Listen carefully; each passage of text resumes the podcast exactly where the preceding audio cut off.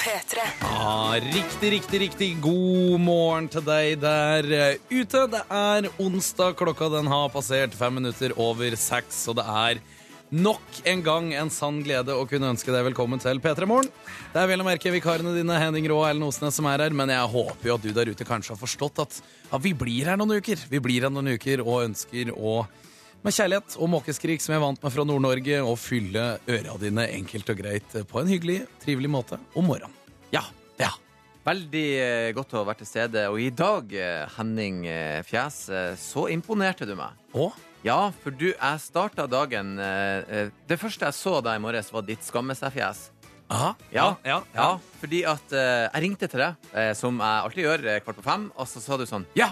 Ja, ja, ja, ja.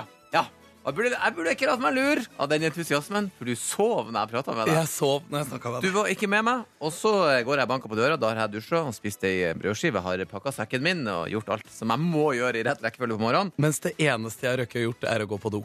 Ja, for du hadde da rett og slett sovna av. Ja. Og da sto du i eh, trusa med skamme seg fjes. Hvordan ser det egentlig ut så tidlig? Eh, det er, må jeg hjelpe deg gjennom noen traumer, tror du, i dag? Eh, nei, det gikk eh, bra, for det var Jeg Ja, skamme seg skråstrek stakkarslig.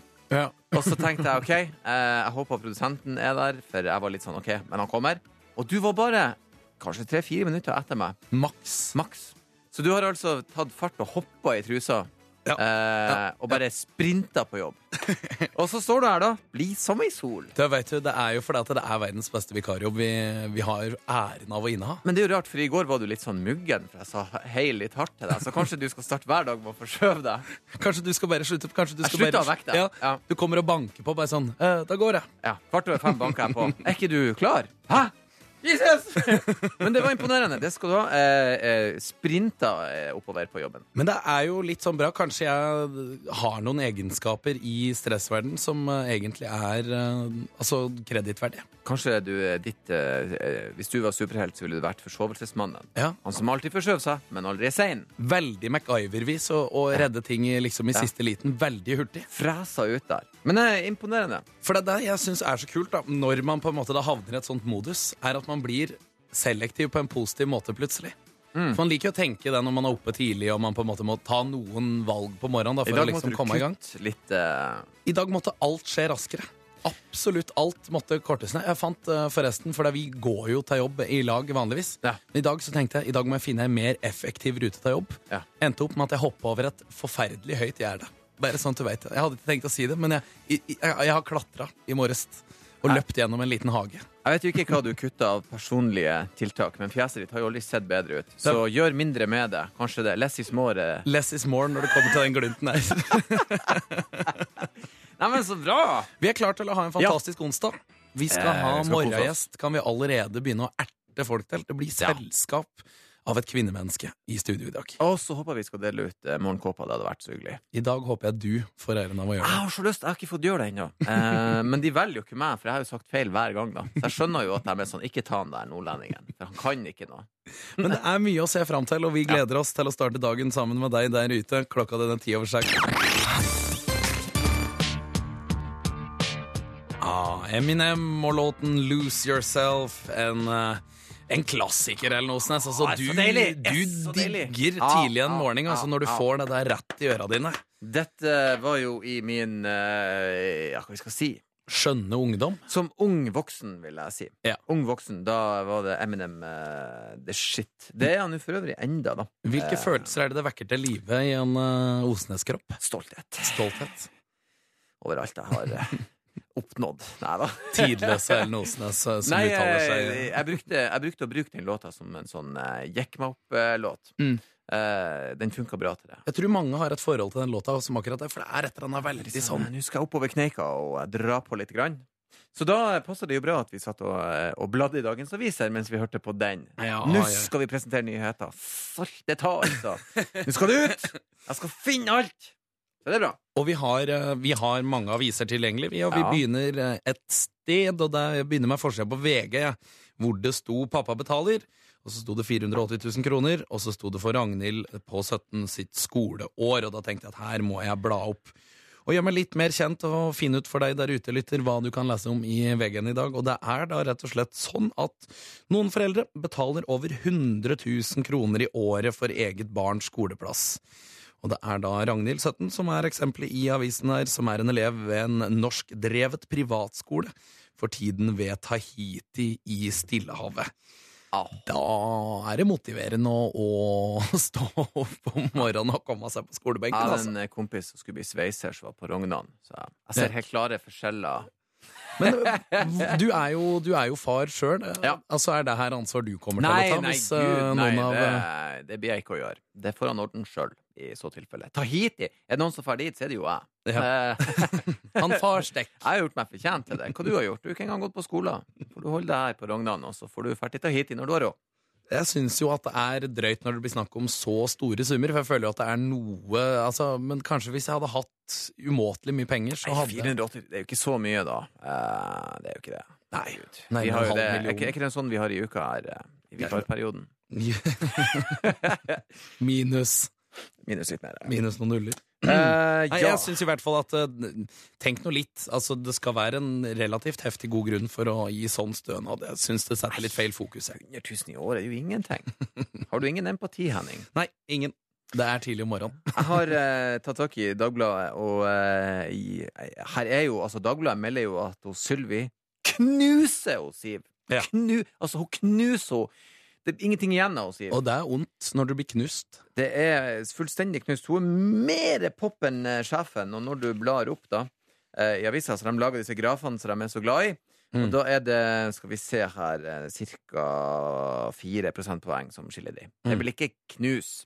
Nei, altså det var 91, så skulle jeg sagt OK, Dagbladet, jeg er med dere på denne. Men, eh, men igjen, igjen, så det jeg alltid lurer på når jeg ser disse greiene, det er, for du leser jo fort da, at uh, 31% av de spurte sier innvandrings- og integreringsministeren gjør en god jobb.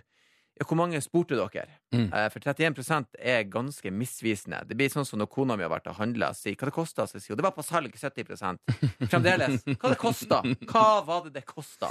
Men dette her med at tall blir litt misbrukt, sånn at 4% blir knusing Ja. Altså, Petter Northug blei eh, som kjent for noen kalt for mosjonist Ja. i helga som var. 16.-plass i uh, Mosjonist. Så Så, overdrivelse med tall etter Det er tydelig populært. Og så syns jeg også de, de, burde, de burde ikke gå så dypt ned i det nå. Altså, så vidt jeg vet, så skal vel fortsatt uh, Sylvi uh, være eh, innvandrings- og grenseminister. De skal vel ikke bytte jobb. Uh, de burde vel konsentrere seg om hvor ligger Frp i forhold til de andre. Men ja, ja. Hun har gjort seg bedre der her nå, da, tydeligvis. For du scorer mye bedre enn da hun var landbruks- og matminister. ja, det var, da var ikke folk så glad i henne. De liker bedre sånn som hun gjør det nå. Av en eller annen finurlig grunn. Det begynner å nærme seg eh, tid for Melodi Grand Prix også, og i Dagbladet så kan du også lese om at uh, derfor er Agnete MGP-favoritt. Ja. Det er da snakk om Agnete Johnsen, som er en av de mange finalistene. Og hvis statistikken slår til, så er det da solide sjanser visstnok til at hun, akkurat Agnete Johnsen, kommer til å stikke av nå på lørdag med finaleseieren.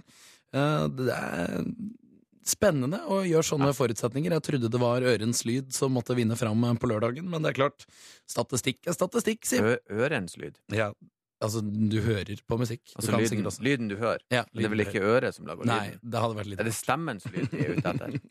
Nei, jeg, jeg ble bare forvirra. Du, du tok meg off eh, guard her. spennende å se hvem som vinner MGP på lørdag. Det gleder vi oss Ja. til. Eh, vi har jo også selvfølgelig da Slik forbrenner du fettet raskest fra VG. Og her er en av de tingene som folk gjør feil når det er snakk om trening. For de har, da, de har tatt sånne flotte mennesker som eh, ikke har kroppsfett. Det ser ut som en kyllingvinge. Altså det er null niks der. De er ribba. Og så har de sånne flotte Colgate-smil. og Sånn, ja, det er bare å gjøre sånn her. Og så er det ni regler per person. Og så leste du det, så tenkte du å ja, jeg skal gjøre alt det her. Så, og så blir det sånn, ja, da gidder jeg ikke. Mm. Jeg har ett råd til de som vil trene. Gå og tren. Gå og tren. Gå og tren. Gå og tren. Det blir ikke verre. Gå og tren. Klokka den er to minutter på halv sju, og vi er eh, overraskende våkne nok en eh, runde. Synes jeg. jeg fatter ikke hvor vi har henta det fra. Vi sender jo vanligvis på helg, lørdag og søndag fra tolv til to.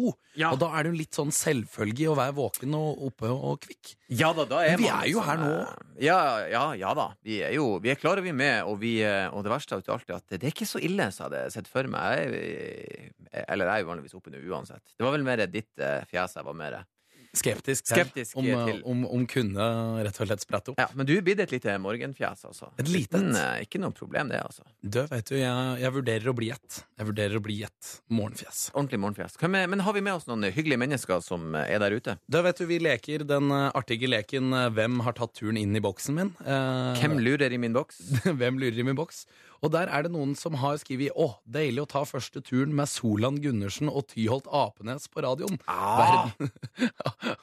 Artige, gode vikarer. Hilsen sjåførfjes. Tyholt Apenes, den tar jeg lett, altså. Ja, det, er, det er jo det er stas. Ja, for nå gikk jeg ut ifra at Flåklypa-referansen gikk i Toten-retninga. Ja, jeg vil tro det. Og Ja. Tyholt Apenes, eh, den udødelige karakteren, var jo nordlending, da. Ja. Ja da. Ja, men det er god eh, stemning. Du, du tr trøkker den til ditt Ja bryst? ja da, den tar jeg rett inn. Da må vi jo, Var det sjåførfjes han heter? Ja. Sjåførfjes. Sjåførfjeset, ha en eh, fin, fin dag, da. Det, det, er, ja, det er så hyggelig. Holdt si. Da skal jeg ta meg en kjapp kaffe. Nå tar du deg litt av pausen. Ja, ja, ja. Nå ble du i hvert fall tidløs. Pust i bakken. God morgen, kjære morgenfugler. Det er så digg å få øret fylt av dere før jeg går av jobb og kan legge meg. Vi snakkes seinere. Ja, ha en god dag. Hilsen nattevakten. Svein aka Bonden Svein. Det her er, jeg tror det her er et fast Bonden lite fjes.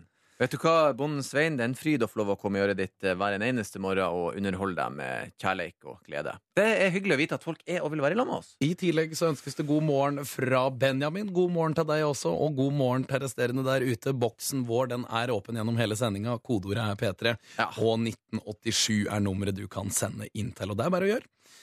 Nå skal vi høre en låt som driver og vokser på meg. Vi har jo uttalt dette her om enkelte sanger før, at vi må høre det? dem noen ganger. Men hva er det vi skal ta før du nå starter ut her? Du kan være så snar, eh, for jeg er så lite forberedt. til- Det ene av fordelene med å være i studio her er at jeg har en sånn skjerm òg. Ja, så du kan kikke litt på. Ikke at jeg forstår så mye mer, men jeg ser i alle fall at eh, Something in the way you move, sant? Ellie Golding. Ellie Golding. Ja, for der er artisten. Har, Men du, eh, har du hørt litt på den før? Jeg tror jo jeg har fått den med meg, men eh, det vi gjør nå, er at nå tar vi den inn i, i øret vårt, og så starter vi dagen, og så lar vi den jobbe inn i sjela. Jeg liker jo hun eh, Ellie. Ja. Eh, og så, eh, så, eh, kan vi evaluere den litt etter hvert. Kan vi, kan vi snu litt på flis her nå? Skal du rett og slett legge inn uh, baritonbassstemma di, og så introdusere den låta Skal jeg si det? skikkelig? Skal jeg, Så må har... du få med klokkeslett og P3 Morgen i tillegg. Ok, nå er det mye å tenke på her. Aske Embla, Father's Eyes. Om jeg ikke tar helt feil, så er det vel Ina Wroldsen som var den kvinnelige vokalen du lyttet godt til gjennom den låta her. Da tar du ikke helt uh, feil. Hun er flott. Hun Ja har jeg sett på en scene en gang synge den sangen, og møtt henne ute på byen en gang og sett henne danse. Mm. Fun fact fra mitt liv. Det er faktisk noe jeg har fått med meg i løpet av min tid på jordens Du vet at damer er mer enn bare flott, Henning. Ja. De er ikke bare der for at du skal se på dem. Det er respekt. Det, det Jeg tenkte liksom, Siden hun ikke var her, så skulle jeg bare begynne å legge ut om mine synspunkter om vedkommende. tenkte ja. jeg. Jeg tror du har en fin personlighet. Men jeg skal legge ut om mine synspunkter om en annen person som jeg traff, eller Ja. fikk æren av å observere i går. Ja, for du var ute på, uh, i sentrumsgatene. Da vet du, Jeg var ute i Oslos eh, gater i går og var og så på et humorshow. Var med og bidrog eh, med et lite stikk sjøl òg. Så veit jeg det der ute. Ja. Men det var ikke det som stjal eh, oppmerksomheten den kvelden her. For eh, etter at dette standup-showet var ferdig, så sitter vi igjen litt, jeg og en kompis, og sitter igjen og prater. Og folk eh, sakte, men sikkert, sikkert siger hjemover. Det var jo en tirsdag, ikke sant? Ja da. Det skulle ikke være seint. Det Det være det er ikke festkveld. Nei, Nei. du har såpass respekt for midtuka. Men så dundrer det inn to godt voksne herremenn. Jeg kan eh, tippe at 40-åra akkurat hadde begynt å Forsiktig, og. Jo, men det var derfor jeg passer på å gi 40 og ikke 30 eller noe snes. Men de er ute og har seg en, eh, en god fest på bitte lille lørdagen, altså i går tirsdag. Ja. Eh, og jeg aner uro ved den ene av de to ganske tidlig, da han flekker opp eh, jakka, og det spretter ut en eh, pondus eh, som virkelig kunne rocke. Altså, du vet når du har en sånn mage som bare automatisk blir med på alle de kroppslige siga du foretar deg. Du kunne liksom se at det var mer som eh, var med på av beina prøvde å fullføre. Moves like Og- eh, Jagger. Jeg veit ikke. Og han prøvde på. Det kunne se ut som en sykdom eh, enkelte ganger at han var i ferd med å begynne å brygge på noe grusomt, men i hvert fall det roer seg ganske greit ned. Så ryker jo jakka. Det tar jo ikke mange sekunder etter han har kommet seg bort i baren og planta et solid inntrykk før jakka ryker. Og da begynner han da å holde fast i bardisken og begynner å ta sånn Det var ikke twerking, men det var nok hans oh. lille, robuste forsøk. Det er ikke lov å danse med bardisken. Så lov. sier kompisen til meg i det øyeblikket der ta, ta en ekstra kikk på han. Ser du hvem han ligner på?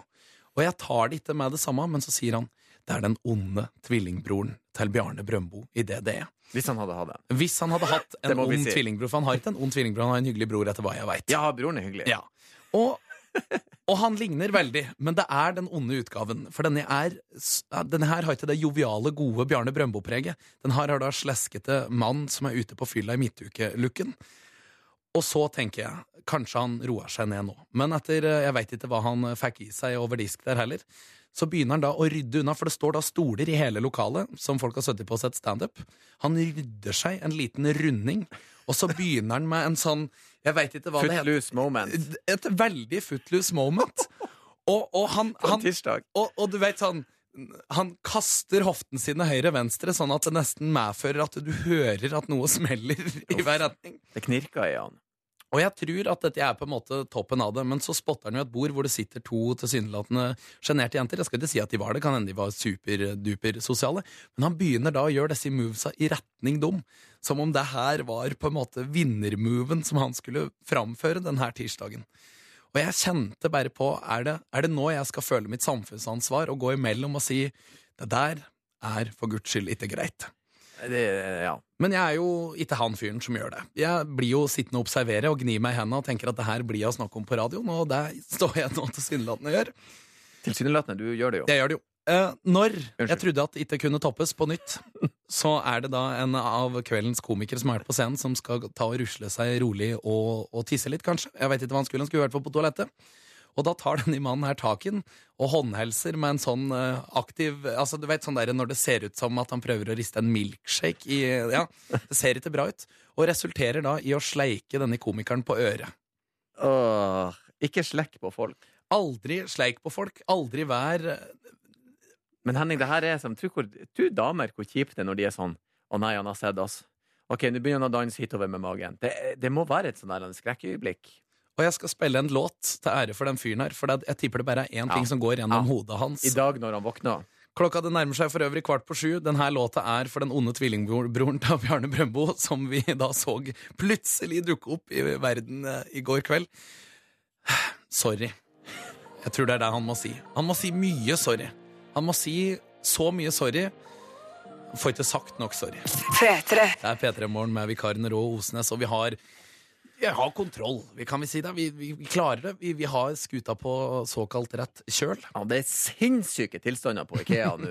ja. Og jeg er sjokkert at sikkerheten godtar. Hvordan kunne det skje? Ja, hør på den overskriften. det er tragisk. eh. Ikea-ulv spiste mormor. Ja. Da reagerte bestemor. Hvorfor hadde de ulven der i utgangspunktet? Var det en attraksjon? Kom han seg løs? Her er ting som må besvares. Altså, jeg Det er tragisk. Tenk å bli spist av en ulv. hvis det er noen gang egentlig observert ulv, uansett hvor det er i Norge, så er jo det en nyhetssak. Men her er det da en egen Ikea-ulv. Ja.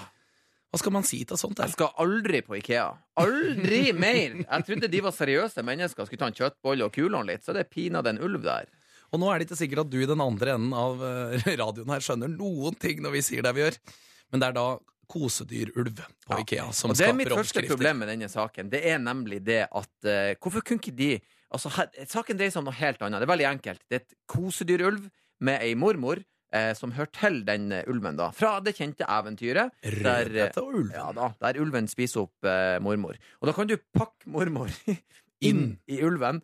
Eh, og det ender jo med at det kommer en jeger og skjærer opp magen til ulven i eventyret og drar eh, hun ut gjennom mormor, som er helt usannsynlig og ville jo vært fordøyd. Ja. Hvis du har dratt henne ut, så blir det et grusomt syn. Men da kommer hun ut eh, hel og fin, og så er eventyret over, og ulven er død. Mens, og det er bamsen basert på. Du kan da dra henne ut magen. Inn munnen og ut magen. Mm.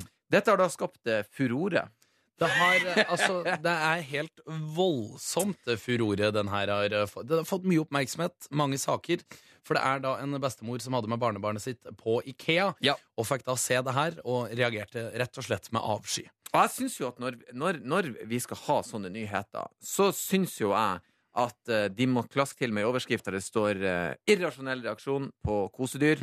Dette er en sak vi plotte inn, for vi hadde ikke noe annet. Vi trenger kliks for å selge eh, bildekk. Det syns jo, Jeg syns ærlighet hadde vært bedre. For la oss være ærlige, når man er ung og leker med kosedyr og dukker og den slags, så er jo det at du lar den ene spise den andre, er jo en del av en vanlig lekerutine. føler Jeg Jeg føler at det er litt sånn man er, og later som at det er krig og litt sånn tulleting. Ja da, og det å, å, å spise eh, Nei, Nei, skal ikke. Ja, men Det er litt sånn Nei, men det- tullete greier, da. men det- altså, det, det er jeg ikke ikke noe skjønner- alvor med det. Nei, men Det jeg ikke skjønner her, er at i dag, i, i, i dag Altså, jeg har jo barn sjøl. Jeg prøver jo å navigere eh, unna de aller verste. Jeg klarte jo f.eks. å plukke GTA ut av spillbunken til sønnen min. For det føler jeg. Han trenger ikke å, å spille et spill der han banker opp prostituerte før han er fylt i hvert fall 16 år. Eh, kanskje aldri. Kanskje aldri banke opp prostituerte. Mens en bamse altså Det er et veldig kjent eventyr. Her føler jeg eh, krenk, krenkelsen i Krenkegata. Eh, og, så, og når de gjengir når de gjengir sant, så sånn, flere reaksjoner Eh, Flere er da to og Mm. oppover. Så det kan være to reaksjoner. Kan være en plass mellom to og seks, Ja. Og tenker hvis barnebarnet ditt blir redd av denne bamsen, ja, da må du sette deg ned og snakke med vedkommende, for det er ting som er langt mer skremmende ute i Ja, og da er det på tide kanskje å la Veldig. barnet få lov til å løpe litt ute, klatre Ja. litt, Ja. eh, spille fotball, falle Ja. litt på lekeplassen, huske litt fritt uten eh, madrass under. Altså, Hvis det skremmer han, så er det ting som kommer til å skremme livet av han når han kommer ut. Puberteten for eksempel, kommer til å bli helt jævlig hvis det her er det som tipper han over i ung alder. når vedkommende får lov til å begynne å lese generelle nettaviser og se hvor mye galskap som foregår overalt i verden. Men det er som, hvis vi skal ta Ikea for noe her, da, så er det navnet på denne kosebamsen her. Ja, Lufsa er det det. Lufsi. Eh, det Jeg tror jeg er helt sikker på at vi ikke kan kalle et kosedyr for Lufsi. Ja. For eh, altså det er fort gjort å tenke på Lufsa, og da er man over på et helt annet spor. Ja, og ikke, ikke sett de tankene uten grunn. I hvert fall hjemme så er det noe helt annet enn en eh, kosebamse. Det skal jeg love dere. Eller det er jo en Ja, unnskyld. I tillegg, til, I tillegg til det så er det, er det, det er nesten for morsomt, for det, for det her har da skjedd Ikea Sverige. Og pressekontakten for Ikea Norge uttaler følgende om dette kosedyret. eh, At de ikke har fått noen reaksjoner på det aktuelle kosedyret. Ja. Og det føler jeg er så profesjonelt sagt at du nærmest gjør den, det kosedyret til en slags mistenkt, eller en litt sånn derre Ja, det sorte får sorte ulv i, i selskapet. Det her er en sånn jobb som jeg skjønner umiddelbart. Jeg kunne ikke vært pressekontakt for noe. For jeg ville sagt sånn Alvorlig talt! Det fins folk som sulter! Ring du meg om en bamse! Vet, hadde, Ikea hadde gått konkurs. Alle sånn, Erlend, ikke si det! Du er helt idiot, mann! Vi skal jo ha folk til å komme og handle her. Jeg hadde ikke takla det. Er det det her dere bruker tida på? Virkelig?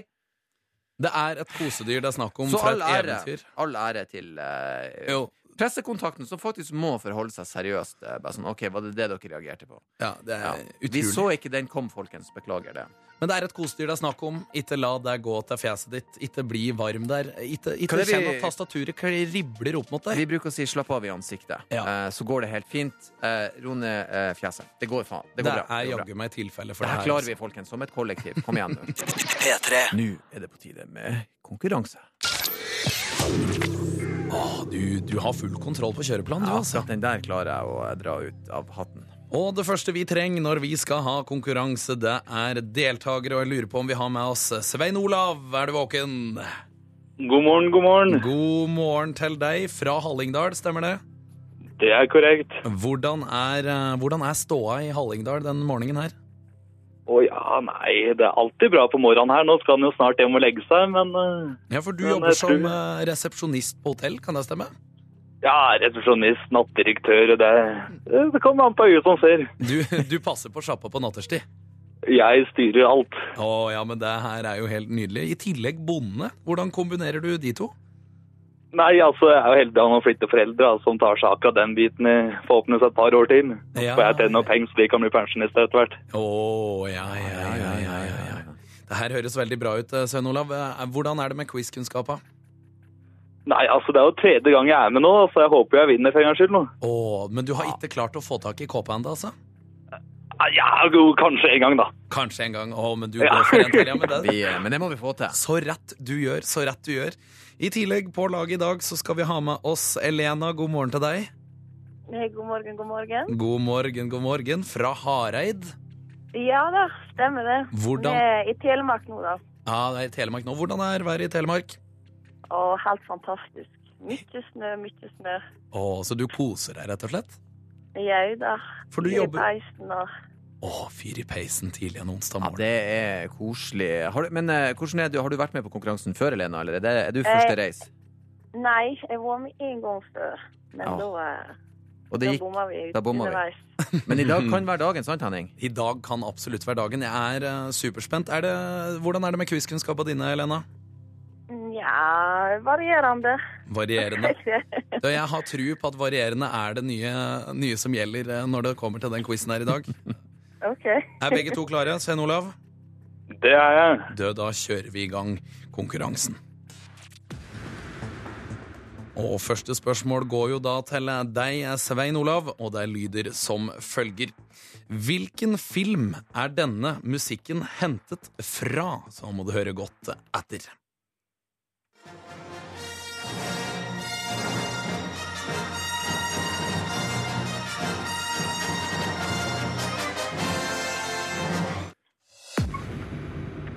Ja, vi spør og skal da ha svar. Svein Olav, hvilken film er denne musikken henta fra? Ja, altså, det hørtes jo veldig, veldig kjent ut, men jeg må innrømme at det er noen år siden, siden sist jeg så Indiana Jones, altså. Du går for Indiana Jones.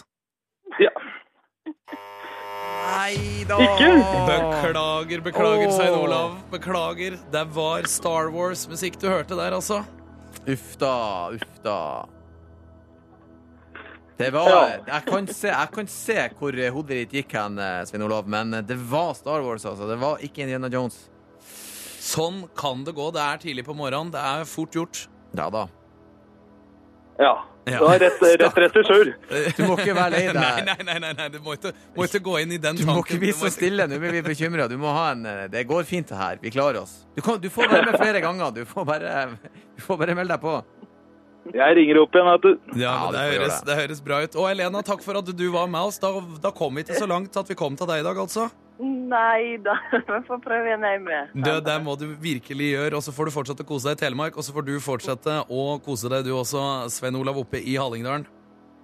Jo, takk, takk, takk. takk. Fortsatt god morgen til dere begge to.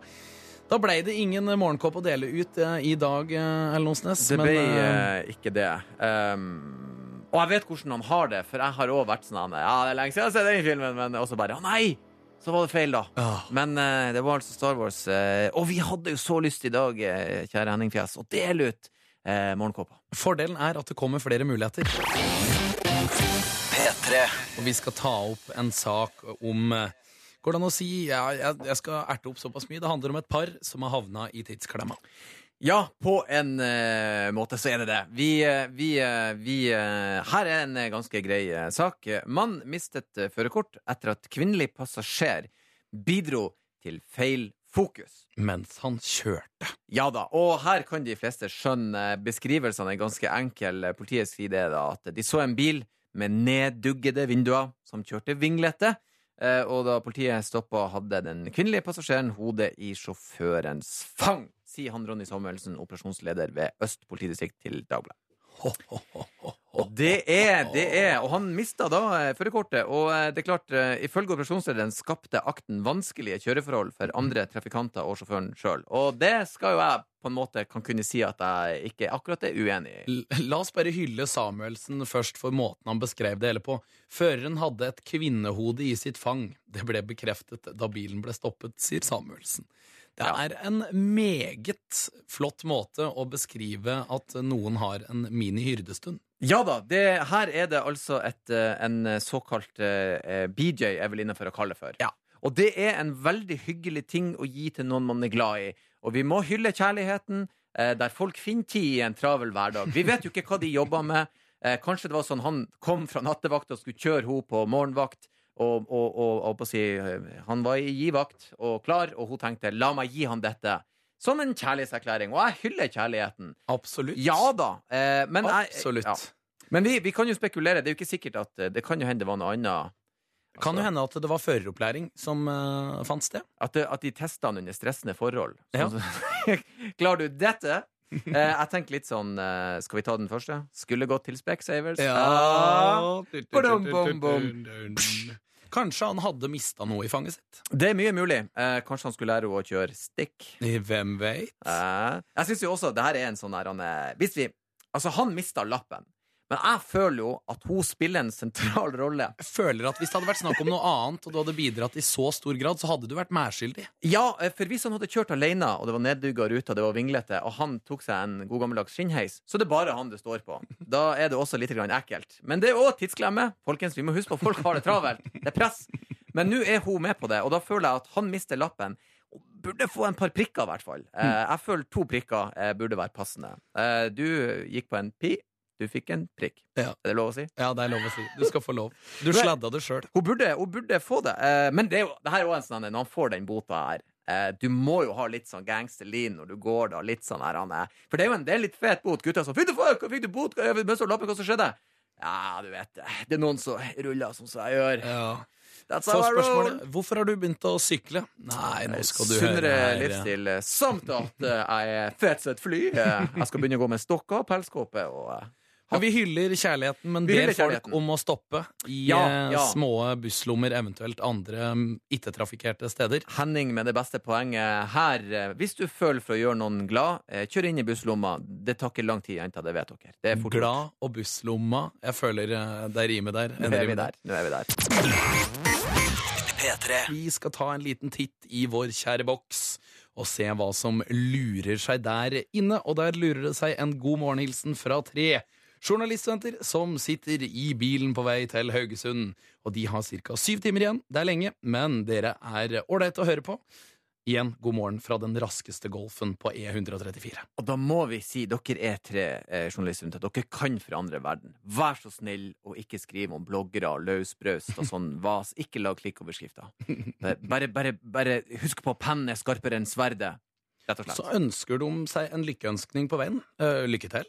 Ja, for all del. Dere er skal til. Haugesund. Eh, Masse lykke til, og kos dere. Det er ei melding vi har fått. Den har vi fått på mail. Ja eh, og den skal vi også ta med, for den er noe spesiell. Sender en liten morgenhilsen fra Kuala Lumpur. Etter to måneder på diverse guesthouse og hostell rundt om i Øst-Asia var det deilig med suite på femstjerners hotell.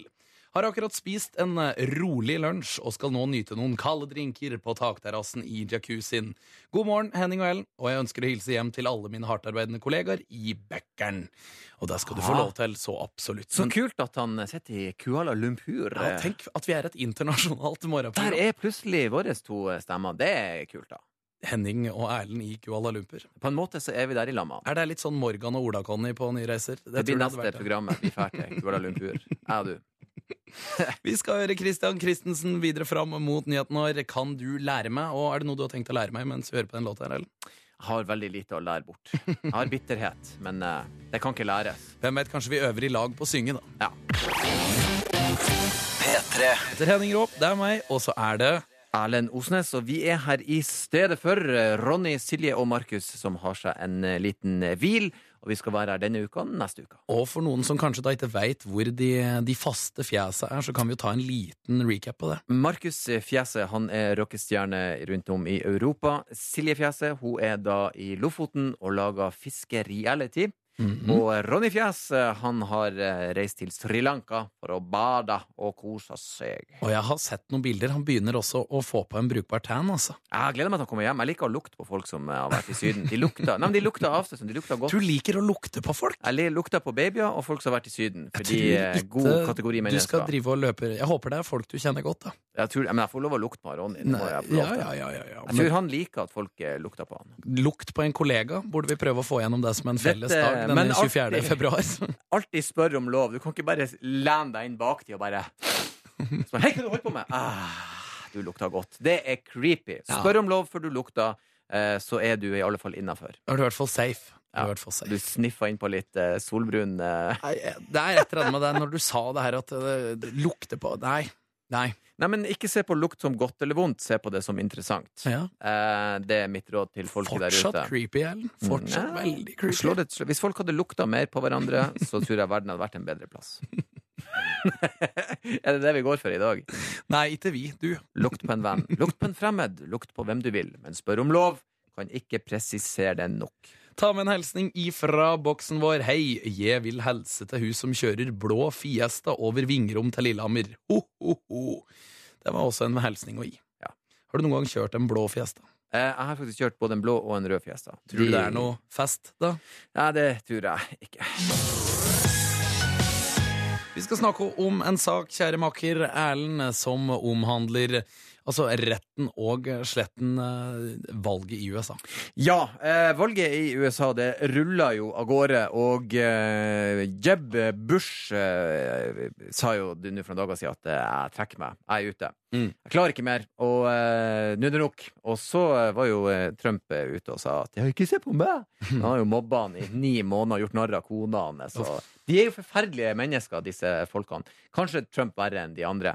Og da, når han trakk seg på søndag, så Ja. Har da mange Selvfølgelig. dykke i valgkampen til nevnte Bush. Ikke nok med at han liksom måtte trekke seg, det var et nederlag. Nå skal de begynne å, å dissekere hva som gikk galt! Kan, ikke fyren bare få lov å innse at han tapte? Og da er det ei storavis som eh, har overskrifta 'Svidd av penger på pizza og luksushoteller'.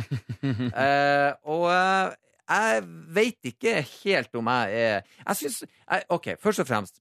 Han skulle bli, hadde lyst til å bli, skulle bli president i USA. Hva skal han ligge på en Airbnb? Eh, Skal han ta inn på et hostel og et knekkebrød? Han må jo, han må jo ligge på et litt fett hotell, er ikke du enig? Jo, jo, jo, jo, og det er snakk om å bli president. Altså, Smak nå litt på det. Altså, det er jo helt klart at fyren eh, fortjener å, å gønne litt på. Jeg syns ikke det er så ille. Og i tillegg, ille. han var den som hadde gjort en best jobb av samtlige kandidater med å samle inn over 130 millioner dollar. Ja, han hadde en milliard mer enn de andre. Mm. Allikevel gikk det ikke bra, da. For, uh, men det de henger seg opp i den pizzaen, da. Ja. 41 639 kroner for uh, pizza. Mm.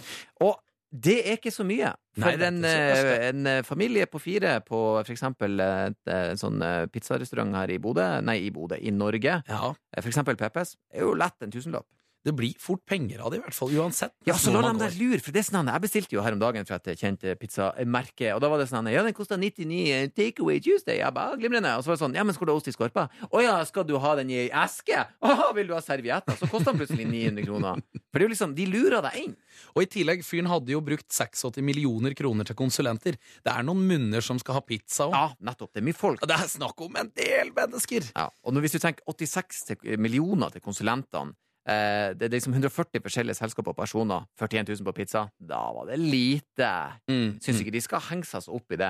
Så syns jeg at fyren, fyren eh, var prøv... Altså Bush-familien har jo vært eh, presidenter eh, i årevis der borte. Du hadde Mm. far, du hadde sønn, så kommer han Jeb. Eh, så gikk det ikke. La han jo få lov å eh, Ja, la han jo være i fred, for guds skyld. Ja, det er, eh, det er helt utrolig. 723 millioner norske kroner da, ble brukt på reklamekampanjer uten at det da bidro. Og da tenker jeg at her, her bursdag, da, handler det litt om budskapet du prøvde å sende via denne reklamen. Tid å se hva du Når du sa. må trekke deg og har brukt den typen summer på å fronte deg sjøl, så tyder det på at det du ønsker å fronte ved deg sjøl, kanskje ikke var det gylne budskap. Kanskje ikke. Interessant nok så har Ben Carson brukt mer penger. Ja. Eh, han har altså da brukt ca. 7000 norske kroner for hver av de stemmene han fikk. Det er, det er noe som er feil der. Det er noe som ikke er sånn det skal være. Kost-nytte. Hva skal Ja, ja. vi si hvis vi skal close det her? Jeg syns han skal få lov å eh, ta inn på et luksushotell og ta seg en bit pizza og slappe av. Nå har han fortjent det. Og nå har han trukket seg. Ikke, ikke plag fyren nå. Hyll den heller for at han gadd og gadd gi det et forsøk. Jeg har eh, lyst til å ta en melding fra boksen, jeg. Ja, gjør det. Få høre hva han sier. God morgen! Står på badet og kaster på meg sminka. Det har jeg lyst til å se noen gjøre. Jeg har sett hvordan alle disse små sminkegreiene ser ut, og jeg har lyst til å se noen prøver å kaste det på fjeset. Det, For det kan umulig være sunt. Men hun kaster da på seg sminka i all hast og gjør seg klar for nok en dag på skolen. Vil ha ferie nå, trenger sårt en pause fra guttedrama og retoriske analyser. Ha en flott onsdag. Dere gjør den til en god en. Hilsen Lyttefjes. Jeg håper å få litt fred fra drama med gutta. Det er ikke bra. Nei, der unner vi ingen, spesielt ikke tidlig om morgenen. og sånn. Ikke, ikke gjør det. Det er så leit. Men vi skal begynne å erte litt, for det er ikke lenge før vi får besøk av en gjest. Det er riktig. Vi har eh, veldig koselig besøk igjen i studio. Vi er så heldige som får besøk, og i dag så er det altså Kjersti Buås som Kjersti kommer. Kjersti Buås kommer og besøker oss her. Det blir veldig, veldig gøy. Hun er da snowboardlandslagets Ja. lengst aktive utøver og deltaker i ekstremsportkonkurransen Winter X Games, som da også starter i dag. Hun har deltatt i den tidligere også, selvsagt, men i dag så smeller det på hjemmebane. Ja. Her i Norge, Ja i. Oslo. Det blir stemning. Det er helt rått. Vi kan jo da ta ta med at hun har blant annet to tredjeplasser og en andreplass fra tidligere X Games. Ja. Altså, det er ikke småtteri, altså. Nei, nei, nei. Jeg gleder meg så til å bli bedre kjent med henne. Gjør du òg? Det gjør jeg. Dette blir koselig. Og nå er vi ikke engang bare to. Vi har blitt tre i studio. Vi har ikke blitt tre. For det, blitt vi tre. har fått besøk. Eh, Det tar lengre tid hvis vi skulle blitt tre. Det er Kanskje vi skulle søknader, invitere. papirer, masse morsomt. Men vi har fått hyggelig besøk. God morgen, Kjersti Buås. God morgen. Så utrolig hyggelig at du hadde lyst til å stå opp tidlig og komme og gjeste oss i dag. Ja, det må jeg ikke sette pris på, for jeg var veldig trøtt. Du er veldig trøtt. Ingen, ikke noe morgenmenneske. Pleier du å sove litt lenger? Nei jeg var veldig seint oppe i går, for jeg var på Ylvis. Så oh. da kom jeg hjem seint, og så var det rett opp på det her. Her, det, der, var liksom oppladninga, for vi må jo bare ta det først som sist. X Games på hjemmebane starter i dag. Eh, ja, det starter i dag eh, med trening, så det blir spennende. Hvordan er følelsen nå inn i et eh, så stort event og endelig på hjemmebane? Uh, jeg er jo selvfølgelig veldig spent på først og fremst eh, se hoppet og uh, prøve det. Se hvordan det går. Og så er det artig at det er på hjemmebane i Norge med hjemmepublikum og familie og ja, det er spesielt. Og Vi skal ta med mer om X Games, men vi må først tilbake til deg. Du sa du var på Ylvis i går. Hvordan var, altså Litt tidligere start på dagen. Hva er morgenrutinen din, Kjersti? Eh, som oftest så gjør jeg yoga når jeg står opp. Og eh, har litt meditasjon og sånne ting. Prøver å ha det som en sånn rutine på morgenen. Eh, og så er det alltid en eller annen form for god, helst økologisk frokost. Eller et eller annet sunt. Fortell, Når begynte denne yogafascinasjonen? Er det noe som har holdt på lenge, eller? Eh, Jeg har eh, vært interessert i yoga kanskje de siste åtte årene. Det var første gangen jeg var på yoga. Det var jo sikkert 15 år siden. Da syntes jeg det var skikkelig rart. Folk bare pusta høyt, og det var bare snålt. Men eh, nå når jeg prøvde, eller jeg prøvde for kanskje åtte år siden, så begynte jeg liksom å skjønne hva det handla om. Og eh, nå er det en del av eh, det daglige livet mitt. Er det selvlært, eller er det, har du hatt eh, instruktør på å få det ordentlig på plass? Nei, det er jo bra å ha folk rundt seg som kan gi deg tips og råd, sånn at du kan liksom speede opp den læringsprosessen. Det er smart, så at du liksom ikke er helt uh, ute av eh, form, kan du si, sånn at du står og ødelegger noe eller gjør noe feil. Det er bra. Det, yoga er jo eh, kommet til Nord-Norge. Altså, jeg har jo vurdert det, eh, men broren min gjorde det på en måte først. da og Han dro på noe som heter yoga 40 pluss, i den tru at dette var for mennesker som var 40 år og oppover. Men det var da 40 grader pluss. Så han holdt jo på å dø da han sa folk var i psyko god form, og han holdt på å kveles der. Det var varmt og jævlig. Han måtte gå ut og kjøle seg. Han holdt på å spy. Eh, så jeg skal ikke gå på 40 pluss yoga, men eh, er det det som er det neste Men, men, men ehm, eh, den eh, yogatingen, eh, hvordan får du tid til eh, For du må jo på en måte inn i en sånn her eh, sinnsstemning. Du må jo klare å, å tvinge ned. Det er jo det som ofte er utfordringa, å klare å slappe av. Eh, også på morgenen, da. Si.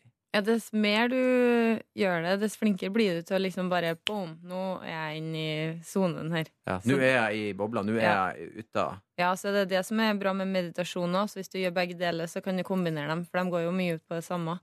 Men yoga er jo en bevegelse samtidig, så du får jo liksom den fysiske treninga og alle de benefitsene som kommer med det, og så får du uh, den mentale Ja. uh, treninga også. Hjelp det i konkurranse. Den Ja. mentale biten. Helt klart. Ja. Det hjelper masse, for det handler bare om å klare å komme til, i nuet.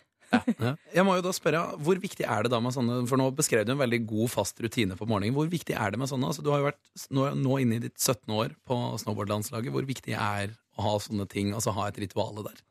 Det er veldig viktig for meg å føle at jeg liksom har, har et, et sted som jeg kan kalle hjem, selv om jeg er på tur.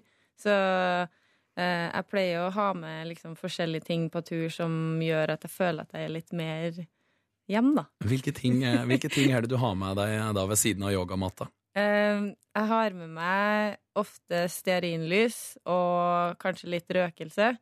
Eh, og så har jeg alltid med litt sånn essens essentiell olje. Ja, forskjellige oljer, peppermyntolje og sånn som du kan putte i badekar og sånn. Uh, pluss krystaller. Krystaller? Ja. Hva, er det en fascinasjon du har hatt lenge, eller? Nei, egentlig ikke. Jeg, eller, jeg husker når jeg er liten. Altså, når du er liten og går på tur, og så finner du en stein som glitrer, du tar den jo opp. Så det er jo sånn som barn tiltrekkes jo av sånne ting. Det er ikke sånn at du bare går forbi den. Når det er gråstein, så går du forbi. Mm. Men Men da 17 år inne, altså det er, det er jo et langt liv innen ekstremsport. Er det, er det liksom da å finne sånne nye ting også som gjør at motivasjonen også holder seg eh, sterk? Uh, ja, motivasjonen kommer av selve gleden ved å holde på. Mm. Det er jeg veldig sikker på. Så det er enda artig. Det er enda sånn at du, det er glede eh, og gøy, rett og slett. Det er Ja. det som motiverer. Ja, når jeg er ute på snowboard, så føler jeg at jeg kan uttrykke meg på en helt annen måte og føler meg veldig kreativ. For vi har også funnet ut at du er ganske kreativ på andre måter òg. Vi har et lite klipp her som Ja. vi nå skal ta både deg og lytteren gjennom. Vi bare spiller det med en gang, vi. Trophies, big checks, car champagne. They all help me in my quest for fame. The reason that I'm in this snowboard game is so you see my face and you know my name. Det er rapp så det dundrer. Det Go to parties to cause a big scene. Anything to make it in the gossip magazine. Drink a beer and being loud, doing the limbo makes me stand up as a true blonde bimbo. It's not about the money, it's all about the fame. My name is Kirsty Buas. Remember the name. Remember the name, og det skal vi absolutt gjøre. Den rappen der skal få lov til å leve i hodene både våre og til lytterne der ute. P3. Vi har besøk av Kjersti Buås, og Kjersti, før låta her så hørte vi deg rappe. Jeg må bare spørre, er det, Har du lagd noen ny rapp i anledning X Games på hjemmebane i Oslo? nei. det har jeg ikke. Det blir ikke sånn fast låt eh, sånn eh, Nå er det turnering, da lager jeg en liten eh, rappelåt. Nei, det har ikke jeg gjort. Det. Kanskje det har vært et bra ritual. Kanskje det blir en sånn der vinneroppskrift plutselig, uten at du egentlig veit det. Så Ja. er det, det er rapp det ligger i. Ja, jeg må ha noen sånn collabs, da, kanskje med Åge eller noe sånt. Ja, ja. Ja, nå snakker vi. Beholde trønderrøttene i, i rappen. Trønderrocken i bunnen der, og så rapp oppå, da. eh, Ja. Bra melodilinje. Leve av livet. Og så noen fete linjer og noe bass der. Ja. Nå er vi inne på noe. Nå- okay, gjør vi ting her. Hører du på? Men med eller uten rapp, det er X Games på hjemmebane. Eh, Først så må jeg bare få lov til å spørre, hvor stort er X Games for eh, ekstremsportutøvere? Eh, Det er et veldig stort event, og at det nå arrangeres i Norge, er jo eh, noe jeg setter veldig stor pris på. Fordi vi vil, vil få mye mer oppmerksomhet rundt actionsport. Noe Mm. som kanskje ikke har vært så stort i Norge før. Og mm, ja, det tror jeg vil si mye for, for rekrutteringa og for bygging, bygging av anlegg, og det skal jo bli stående den skateboardparken, så jeg tror det er veldig bra for eh, det som kommer i framtida. Ja, for det er jo første gangen, så da føles det liksom litt som en seier å endelig få det til Norge. Betyr det at Norge også har gjort mye riktig ute i verden òg, da, for å kunne lokke det hit? et? Ja, vi har jo veldig mange gode kjørere på både friski og snowboard fra Norge. Det er helt utrolig egentlig hvor mange gode det er som gjør det bra, og som vinner fra et så lite land. Med bare fire millioner eller fem millioner er vel nå. Mm. Mm. Det er ikke dårlig, altså. Nei, det er ikke dårlig. Det er veldig bra. Når du setter det i sammenheng med eh, de ledende landene, så er så sykt mye større. Veldig, veldig mye mer folk å ta av. Ja. Det som jeg, jeg syns er kulest med liksom, at X Games For det har vært en sånn ting sånn lenge, så ja, det skjer der borte. Du får liksom se det. Så det plutselig nå er det her, på en måte. Det er stas. Ja. Ja, det blir veldig bra. Men det har jo vært litt, litt trå oppkjøring for det. Det har, vært, det har vært kommet på noen skader, det har vært diskusjoner rundt arrangementet, men det sportsligste er jo det aller viktigste når X Games endelig kommer på besøk. Og, og hvordan tror du det blir å gå? Tror du det blir for mye press på, på norske utøvere? Um, det er jeg veldig usikker på, egentlig. Jeg tror eh, de fleste på det norske landslaget er veldig flinke til å holde hodet kaldt. Og vi trener jo på å prestere når det gjelder. Så jeg tror det skal gå bra. Men eh, selvfølgelig så er det jo en utfordring når det blir ekstra mye press fra media, når det er på hjemmebane, og når det snakkes mye om at hoppet er så svært, og at ting er så svært, og sånn, så, så går det jo, går jo inn i hodet på deg, og så begynner du å tenke. Så du må prøve å bare meditere eller noe. Ja, prøv, prøve å holde Rull det ut yogamatta. Nå eh, skal vi ro ned her. Du har, jo, du har jo allerede to tredjeplasser og en andreplass fra tidligere X Games. Har du tenkt å toppe det nå på, på hjemmebane? Kan du ta det Eh, hele? Det hadde vært utrolig artig. Eh, Jeg tar egentlig en, ett steg om gangen. Fordi jeg gikk jo på en ganske hard smell eh, forrige helg. Og jeg tror det er veldig viktig å høre på kroppen sin og bare ta det med ro. Og så kommer ting etter hvert som det skal. Mm. Stol på det.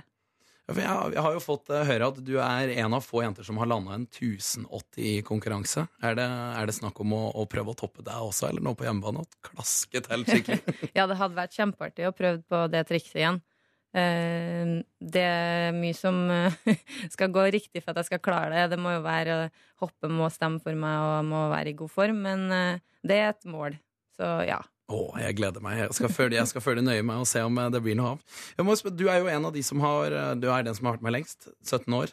Og det er mange unge utøvere. Så litt sånn stemninga i stallen. Hvordan, hvordan er det? Er du liksom, går de til deg for å få råd, de andre unggutta? For eksempel den yngste, Markus Kleveland, på, på. Kommer han bort til deg og bare nå, 'Nå må jeg ha noe råd', Kjersti? Ja, det blir jo litt sånn at uh, man lærer hverandre det man er god på. Um, for meg så er det veldig viktig å prøve å liksom pushe på dem litt yoga og litt uh, kostholdstips og sånne ting, som jeg tror er veldig viktig for å ha en lang karriere. Så der holder du kurs, altså? Der, der er jeg hun irriterende som gamlesmor som kommer og bare Nei, nå må du spise grønnsaker. Men det er litt naturlig, for eh, det jeg gjør det med han nå. Sånn som når han spiser lasagne til frokost, så føler jeg må si at dette er ikke optimalt. Må Eh, voksenrøsten Du må ha noe litt fiber, litt frukt, kanskje. Ikke gå på fett, ost og salt eh, halv åtte om morgenen. Det er, ikke, det er ikke bra. Du har et ansvar. Jeg føler jeg må si noe, for jeg ser at det der blir ikke å gå bra av sted. Jeg, føler, jeg føler jeg kommer til å bli godt skolert nå under neste låt. Det blir spennende å se hva du presterer i bakken, men vi skal også bli litt bedre kjent med deg nå. For nå, når vi er tilbake etter neste låt, så skal du få lov til å fylle ut P3 Morgens egen skoledagbok. Og jeg er veldig spent på hva du har å svare der, Kjersti. Vi har besøk av eh, Kjersti Buås. Det er X Games på hjemmebane i Oslo, og da er det klart vi må ha snowboardbesøk i studio. Og nå skal vi se litt vekk fra snøbrettkjøring og den slags, for nå skal vi bli kjent med deg, Kjersti. Vi skal stille deg skoledagbokspørsmål, rett og slett. Ja, eh, og da har vi en eh, faste spørsmål som vi alltid stiller da. Og da gjør vi det veldig enkelt. Jeg stiller spørsmålet, og så svarer du bare direkte på altså det første som faller deg inn, egentlig. Så Ja. du får det mest eh, organiske, naturlige Ja. Okay. Er du klar? Ja. Navn. Unnskyld. Kjersti. Det var veldig enkelt. Yes. Organisk! Eh, alder eh, spør jeg aldri damer om, for det har mamma sagt. Det er ikke lov. Stjernetegn. Steinbukk. Stein, jeg er også steinbukk. Stae mennesker, har jeg hørt. Bra. Jeg liker å si målretta. Ja. Favorittmat? Favorittmat må være eh, Det var vanskelig. Nei, det er så mye. Eh, Meksikansk. Ah. Ja. God, ordentlig meksikansk. Ikke sånn uh, Ikke den pakken der. Ikke Old El Paso. Ikke den der pappeska. Nei, ordentlig fers ferske ingredienser. Eh, jeg laga tacoen fra scratch. Åh. bare litt snikskryt. Bra. Bu. Nei, det er til. Favorittfarge? Blå. Eh, denne musikken liker jeg. Mm, The Beatles. Ja. De har endelig sluppet det på Spotify, så nå er det masse Beatles her. Du kan velge velte deg i Beatles. Uh, dette er jo eh, et punkt som jeg Jeg kvier meg for å stille det til damer, fordi at dere har egentlig ikke dette, men jeg kan prøve å høre. Hva er ditt beste sjekketriks? Se, hun ler, for dere trenger ikke sjekketriks. Hallais, la oss nå være ærlige. Det er jo vi som har dårlige sjekkelinjer. Har du noen gang altså, det klart, Kanskje jeg sier nå, nå skal jeg gå hjem, jeg. Ja, det ja, Nice one. For da vet du at da kommer han til Oi, da må, nå må jeg gjøre noe! Har du brukt den ofte? Ja, men da går jeg hjem. For han tør ikke ja, så Men nå, nå har jeg begynt å si uh, Isteden så har jeg begynt å si nå, eh, hva vil dere ha å drikke? Jeg skal gå og kjøpe mer å drikke, og så går jeg hjem. Ja, den er Så du, du sjekker ikke opp, du bare bruker sjekketriks som å lure deg unna, rett og slett? lurelinja. Her, Eh, denne personen ser jeg opp til. Um, dem som velger å gjøre akkurat det de brenner for. Åh, det kunne ikke vært bedre svar. Det er Det mange er som fortjener en hyllest. Ja. Følg lidenskapen, så kommer du til å trives uansett. Uh, ba, ba, ba. Mitt første barndomsminne. Ut på ski, tror jeg, som ettåring, og bare Jeg vet ikke om jeg egentlig husker, men jeg har sett på film. Uh, ut og går sånn som en seig mann i sånn kjempetrang dress og Ja. ja, bobledress. Det var litt sånn klassisk nordmenn født med ski på beina. Ja, det er sånn. Mm. Og jeg tror alle har et sånt bilde fra når de gikk sin første skitur i bakhodet. Jeg, jeg har en lilla heldekkende sånn vinterdress som sitter Kommer aldri til å glemme det. Ja. Eh, mitt første kyss. Um, jeg tror det var med Stig i chat eller noe sånt. Ja, det er så bra. Men man husker det. Var det et minneverdig kyss? Ja. Var det et skikkelig smask, rett og slett? Jeg tror det. Nei, Stig i sjette klasse. Han Hva fikk vet du seg en hva Stig opptur nå. gjør i dag, eller? Han fikk seg nok en ordentlig moral Altså, han har en bra dag nå etter at du Han har en bra dag nå. Han hørte på Ja. radio at han var ikke glemt. Få håpe jeg sa rett navn, da. Ja, men Det sitter en Frank og er veldig lei seg. Nei! Æsj, Jeg var først! Eh, det er også denne, og det er jo ei skoledagbok for litt eldre mennesker, da. Eh, denne kjendisen vil jeg helst ha sex med. Det her er i skoledagboka. Ja, Ja, det er det. P3 Morgens egenskrevne. Det står eh, Nå følte jeg måtte distansere meg. Det, det må bli kanskje Kunne ha vært Johnny Depp, kanskje? Åh, han tror jeg òg hadde Som den Pirates of Caribbean-figuren. Altså, Han er fet. Oh, Ja, I det kostymet der, så jeg har sagt til kona mi at beklager, kjære, dette må jeg bare gjøre. Ja. Jeg ofra meg. Eh, vi får nok en sydentur etterpå når jeg snakker om opplevelsen i media. Ja, ja, Ja, jeg tar en for laget. Ja. Nei, men da har vi Rød stemning og pirater er en ting. Ja. ja. Pi- Pirater, Hvem som ikke liker piratene som lever utafor, følger lidenskapen. Vi spiller ikke etter reglene. Vi kler oss som vi vil, vi gjør hva vi vil. Jeg skulle ønske jeg var pirat. Litt sånn som en snowboarder, eller? ja. Ja.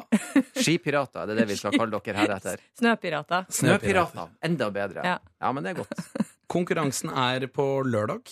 Stemmer det? Det er da du skal i ilden? Ja. Kjenner du allerede litt nerver når jeg sier det nå, eller har du tenkt på det så lenge at det er full kontroll? Ja, um, jeg kjenner nerver, ja. Selvfølgelig. Det, det blir jo sånn, det bygger så mye opp mot det her. Spesielt når det, du er på hjemmebane og du ser det liksom i medier, får mediehenvendelser om hoppet hopp er skummelt og alt det der. Det blir sånn, det bygger seg opp på en helt annen måte. Og så er det jo et stillashopp, noe vi ikke hopper på så ofte. Mm. Så ja, jeg er nervøs, men eh, tar et steg om gangen og bare bruker tida. Én ting er i hvert fall sikkert. Tusen takk for at du tok deg tida til å bruke litt av oppladninga her hos oss.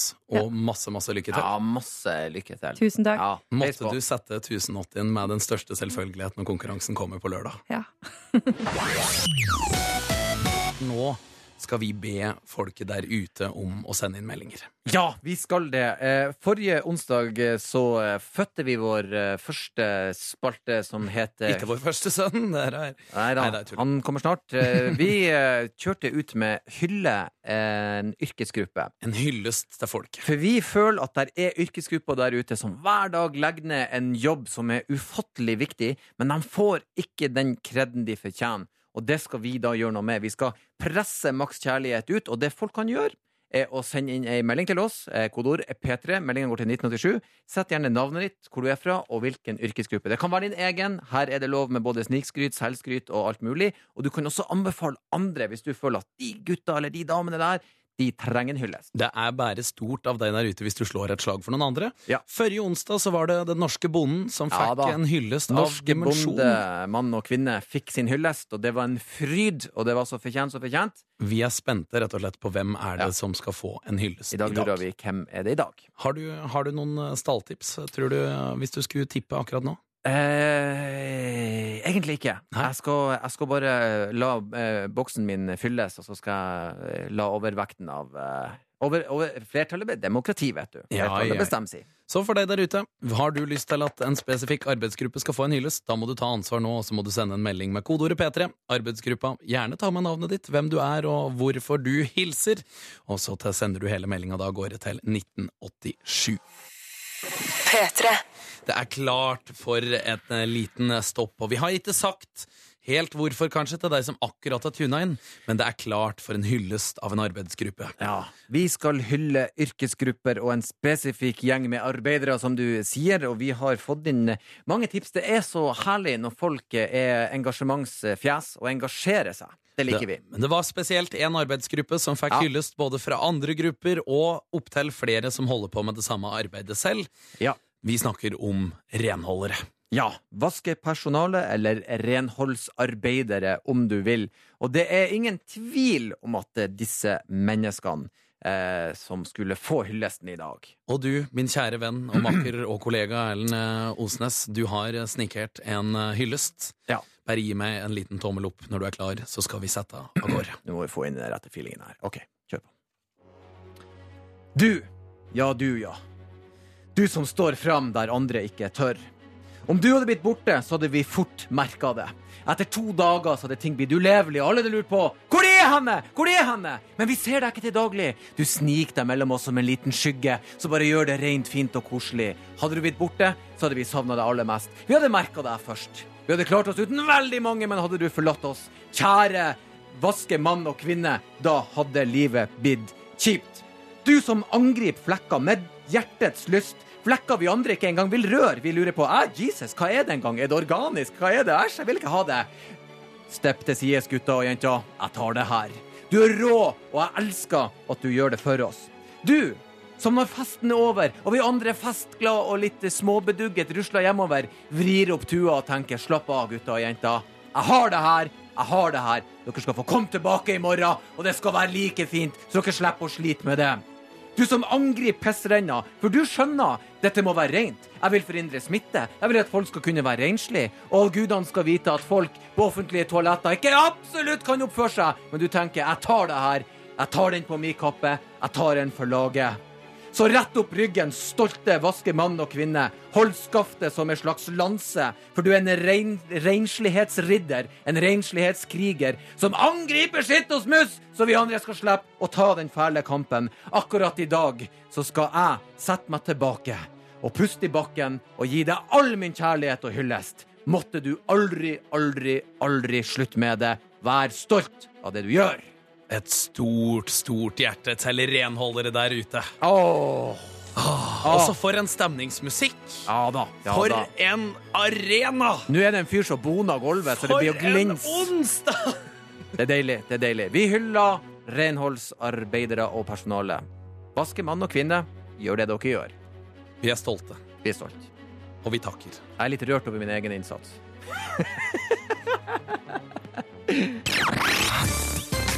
Du lytter fortsatt til P3 Morgen, men det nærmer seg vår, altså våre siste minutter på radioen for i dag.